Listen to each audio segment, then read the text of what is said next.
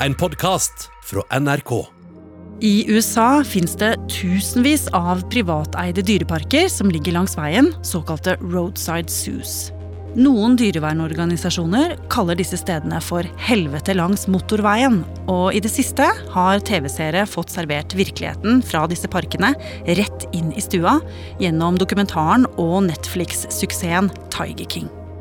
Serien viser en så kriminell og brutal omgang med dyr, spesielt tigre, at dyreelskere verden over raser. Men kan kanskje Tiger King være med på å få en slutt på denne grove dyremishandlingen i private dyreparker?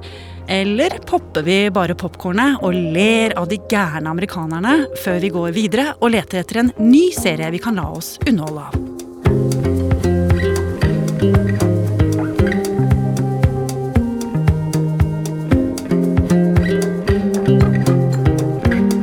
På Oppdatert. Jeg heter Ragna Nordenborg. Da jeg først ble klar over eh, denne serien, så hadde ikke jeg så veldig lyst til å gi disse folka noe særlig mer oppmerksomhet. Det var jo allerede kjent blant eh, folk i bransjen at eh, de som drev denne GW-parken, ikke hadde dyrenes velferd i høysetet. Joe Partica er biolog og har samspillet mellom store rovdyr og mennesker som spesialfelt. Og har da faktisk samme navn som Tiger King selv, Joe Exotic. Hvis du er en eh, tiger eller løve og ender opp i en eh, park som eh, Joe Exotic drifter, så har du ikke et godt liv i møte. Det er jo helt klart.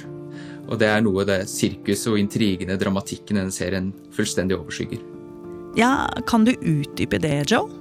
Alle vi som eh, jobber med dyr, enten om det er som eh, biologer eller i dyrepark, er jo gjerne noen karakterer med både gode og dårlige sider. Eh, Utfordringen i Tiger King er at her følger vi en karikatur som er sammensett av alle stereotyper fra dyreparkverden. Vi har en skytegal mann kledd i velur som leker med løver og tigre. Eh, Og det overskygger fullstendig eh, det store problemet med avl av store kattedyr og privat hold av disse dyrene eh, i USA. It's not every day that a zookeeper went to prison for murder for hire. There are more captive tigers in the U.S. than there are in the wild throughout the world. Animal people are nuts, man. They're all crazy. TV-serien Tiger King er et sju timer langt dypdykk inn i en ufattelig amerikansk virkelighet som overgår all fantasi. He was like a mythical character living out in the middle of bumfuck Oklahoma who owned 1,200 tigers and lions and bears and shit. Come here, love me. Matt spoken, good looking, love to party and have fun. I don't think we're done blowing shit up today. I don't figure you are. Det er så spinnvilt det vi ser, og så uforutsigbart og begivenhetsrikt at serien rett og slett er litt vanskelig å beskrive. Hovedpersonen er den nå verdenskjente Joe Exotic. En homofil polygamist med bleika hockeysveis og smultringbart. Som sammen med sitt lille hoff av ektemenn og dedikerte medarbeidere driver en privat zoo i Oklahoma. Ikke bare driver Joe dyrepark, der dyrevelferden er på et lavmål, og med ulovlig avl som ekstrainntekt.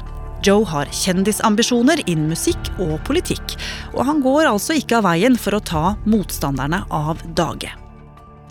Og ikke nok med det. Joe Exotic hadde også et eget realityshow om livet på gården for sine mest dedikerte fans. Good evening, ladies and gentlemen, and welcome to JoeExoticTV.com. I would like to say thanks to all the tens and thousands of people around the world that are watching the show tonight. First up, we're going to get straight into exactly what's wrong with this goddamn country, and that's video message. Og produsenten for dette showet var eh, Rick Kirkham, som i dag bor i Bodø sammen med sin norske kone. Og jeg møtte ham på et eh, hotell i Oslo. Um, to this day, I regret that I ever went to that zoo and promoted him because what I was promoting was really cruelty to animals, and that's a hard thing to live with. Uh, I, I hold a lot of guilt for having sold out my own journalistic integrity. uh, by staying there and trying to make this show when I knew it wasn't a good situation. I dag sier Rick at han er veldig lei seg for at han var med på å gjøre Joe Exotic populær. Men slik har det ikke alltid vært. Det tok nemlig ikke lang tid ut i jobbintervjuet den erfarne journalisten hadde med Joe Exotic en junidag i 2014, før han skjønte at han hadde snubla borti en gullgruve. Uh,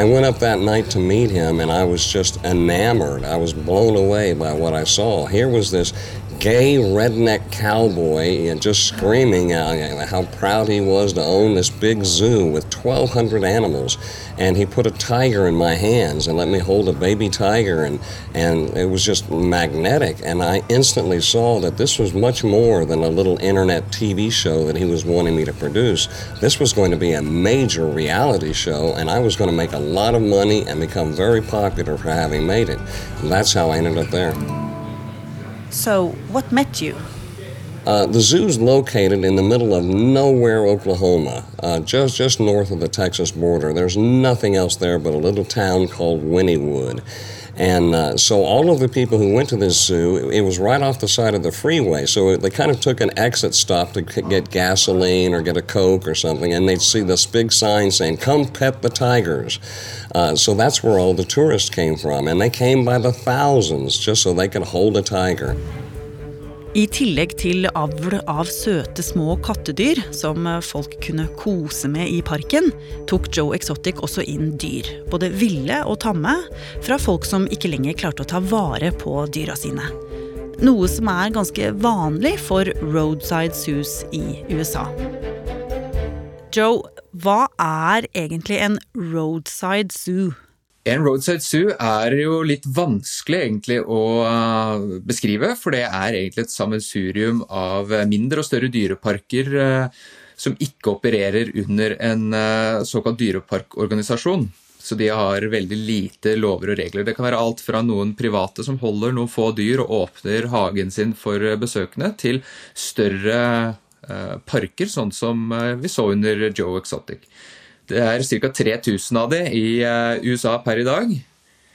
Og mange opererer med nettopp dette her at du kan komme inn og klappe og håndtere dyr som man ellers ikke ville hatt mulighet til å gjøre. Ok, du sier at de ikke er medlem av dyreparkorganisasjoner og sånn. Hva mer er det som skiller roadside zoos fra vanlige dyreparker?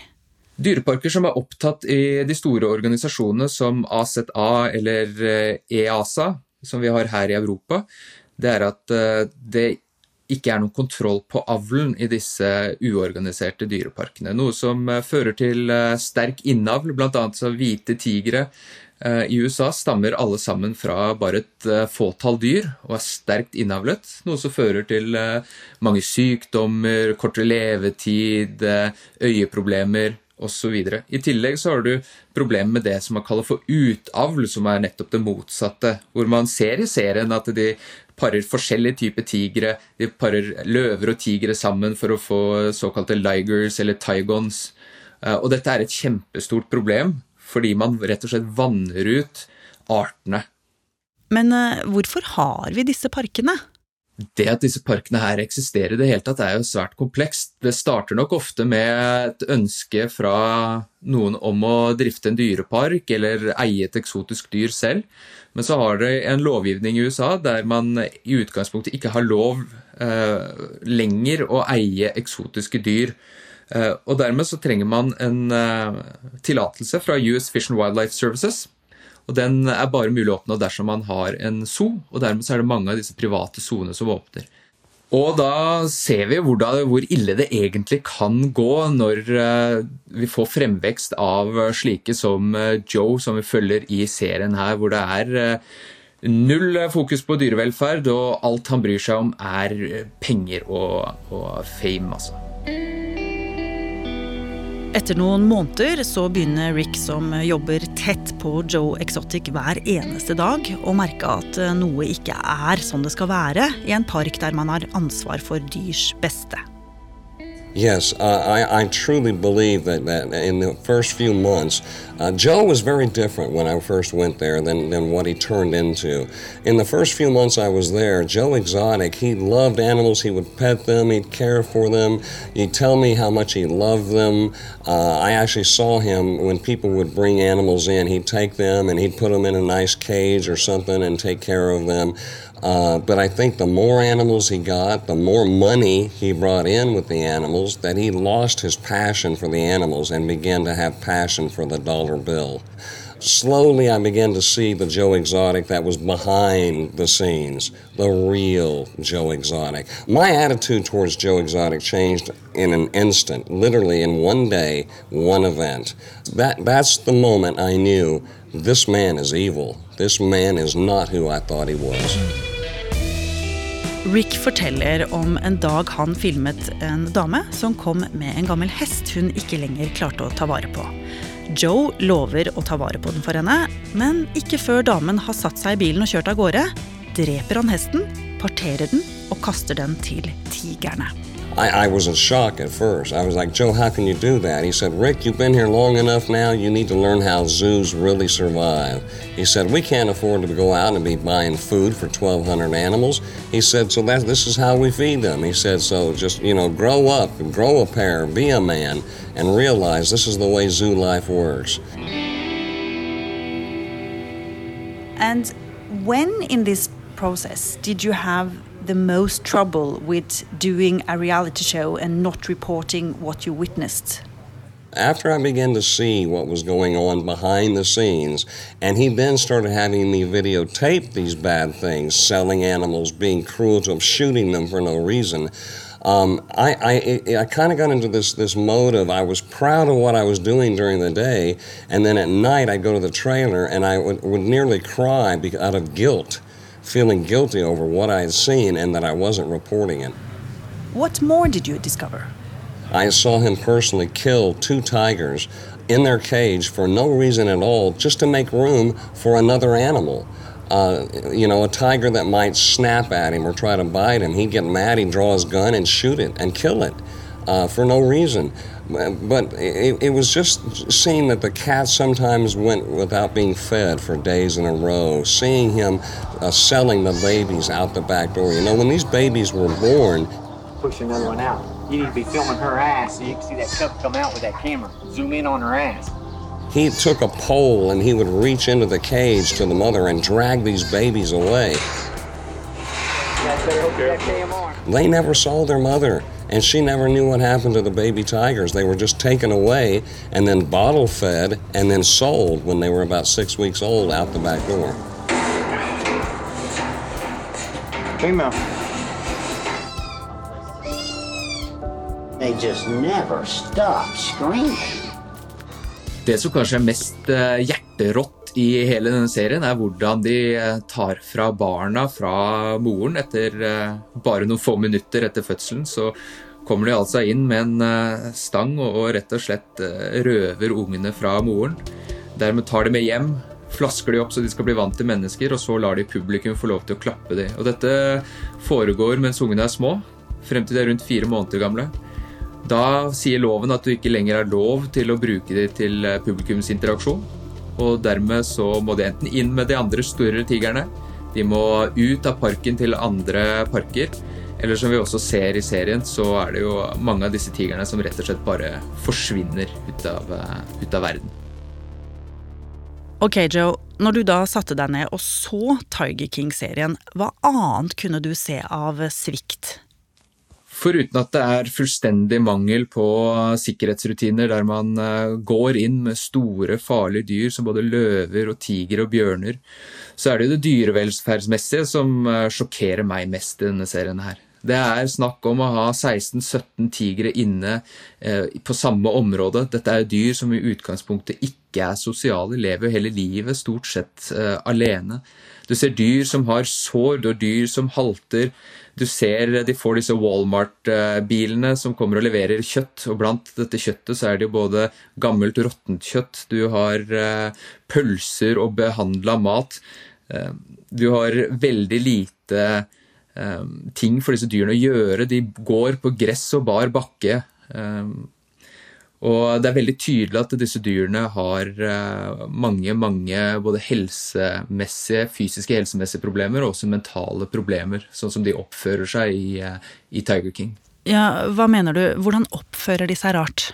En av de tingene du, du uh, legger merke til kanskje aller først, det er at veldig mange av tigrene og veldig mange av løvene de vandrer frem og tilbake eller i sirkler etter såkalt pacing.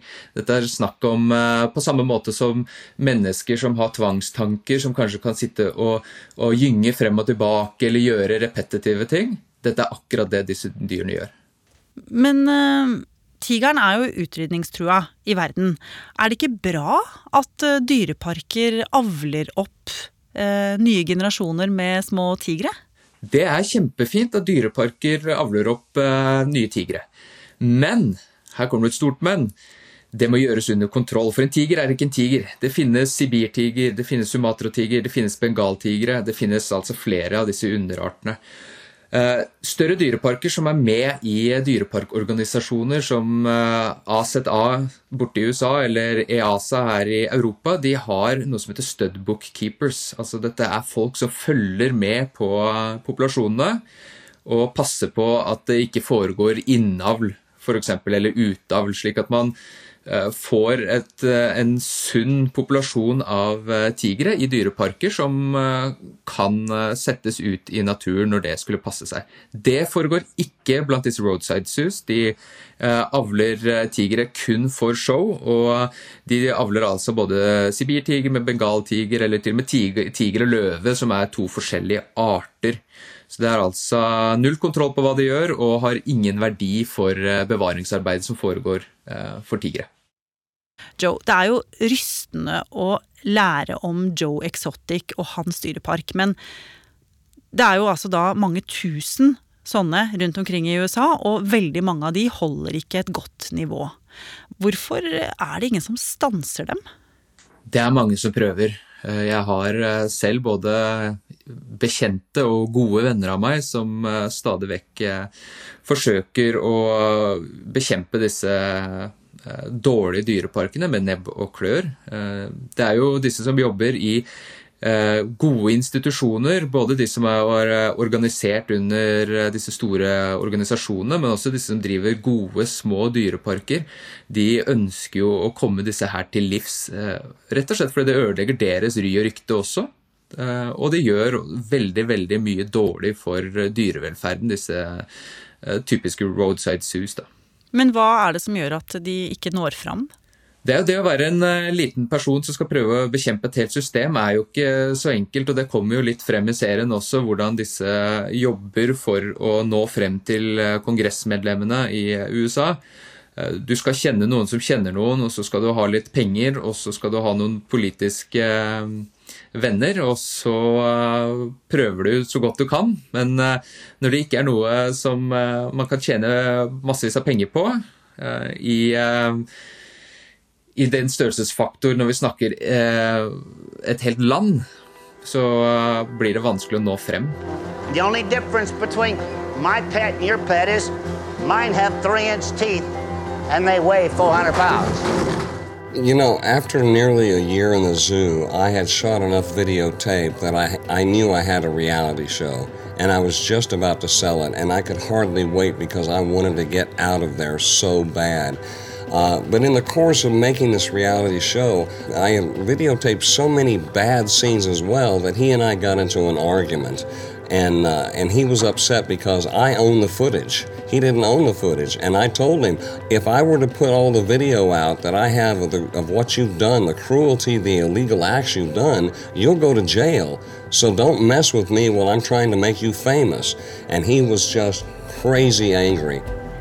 Og etter at Rick og Joe Exotic har krangla, så skjer det noe dramatisk. Midt på natta blir Rick vekket av et smell, og han ser at studio i Dyreparken står i flammer. Noen hadde satt fyr på lokalet der videomaterialet lå, og Rick mistet alt. Alt han hadde gjort av opptak, alt som kunne være bevis. I literally dropped to my knees on the ground and I started crying. I just cried and I cried. And then I thought, here went my project now. I've been here for no reason. I got in my truck, I grabbed my little dog, and I drove away, and I never went back. Uh, I actually checked in to a, a, mental ward for a week trying to get my head back on straight for what I had seen. I had so much guilt inside of me for what I had allowed him to do on videotape and what I had stood there and videotaped, and the fact that I was going to make money off of that. I was sick to my stomach and I was sick in my head, and I had to get some help. Uh, what do you hope will come out of this Netflix documentary? My hope uh, with the popularity of the Netflix series is that people are going to stop going to these zoos, uh, stop going to circuses, because if the people will stop going and they can, and the zoos don't make any money, they will have to shut down. Uh, there's no reason anymore for us to ca- hold captive tigers and lions. You know, there's plenty of them in the wild, and if you want to see them, look at them on television, or go go to Africa and go see them in their natural state where they live. Go on a safari. They, there's no reason to keep these poor animals in cages because all you do is suck the life out of them.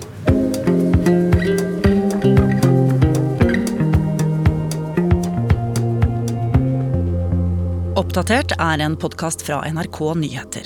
Og hvis du ikke vil gå glipp av neste episode, så kan du abonnere i appen NRK Radio. Bare søk på Oppdatert, så finner du oss. Denne episoden var laget av Katrine Nybø, Petter Sommer og meg, Ragna Nordenborg. Vil du kontakte oss, gjør det på oppdatert krøllalfa nrk.no. Du har hørt en podkast fra NRK. Hør flere podkaster og din favorittkanal i appen NRK Radio.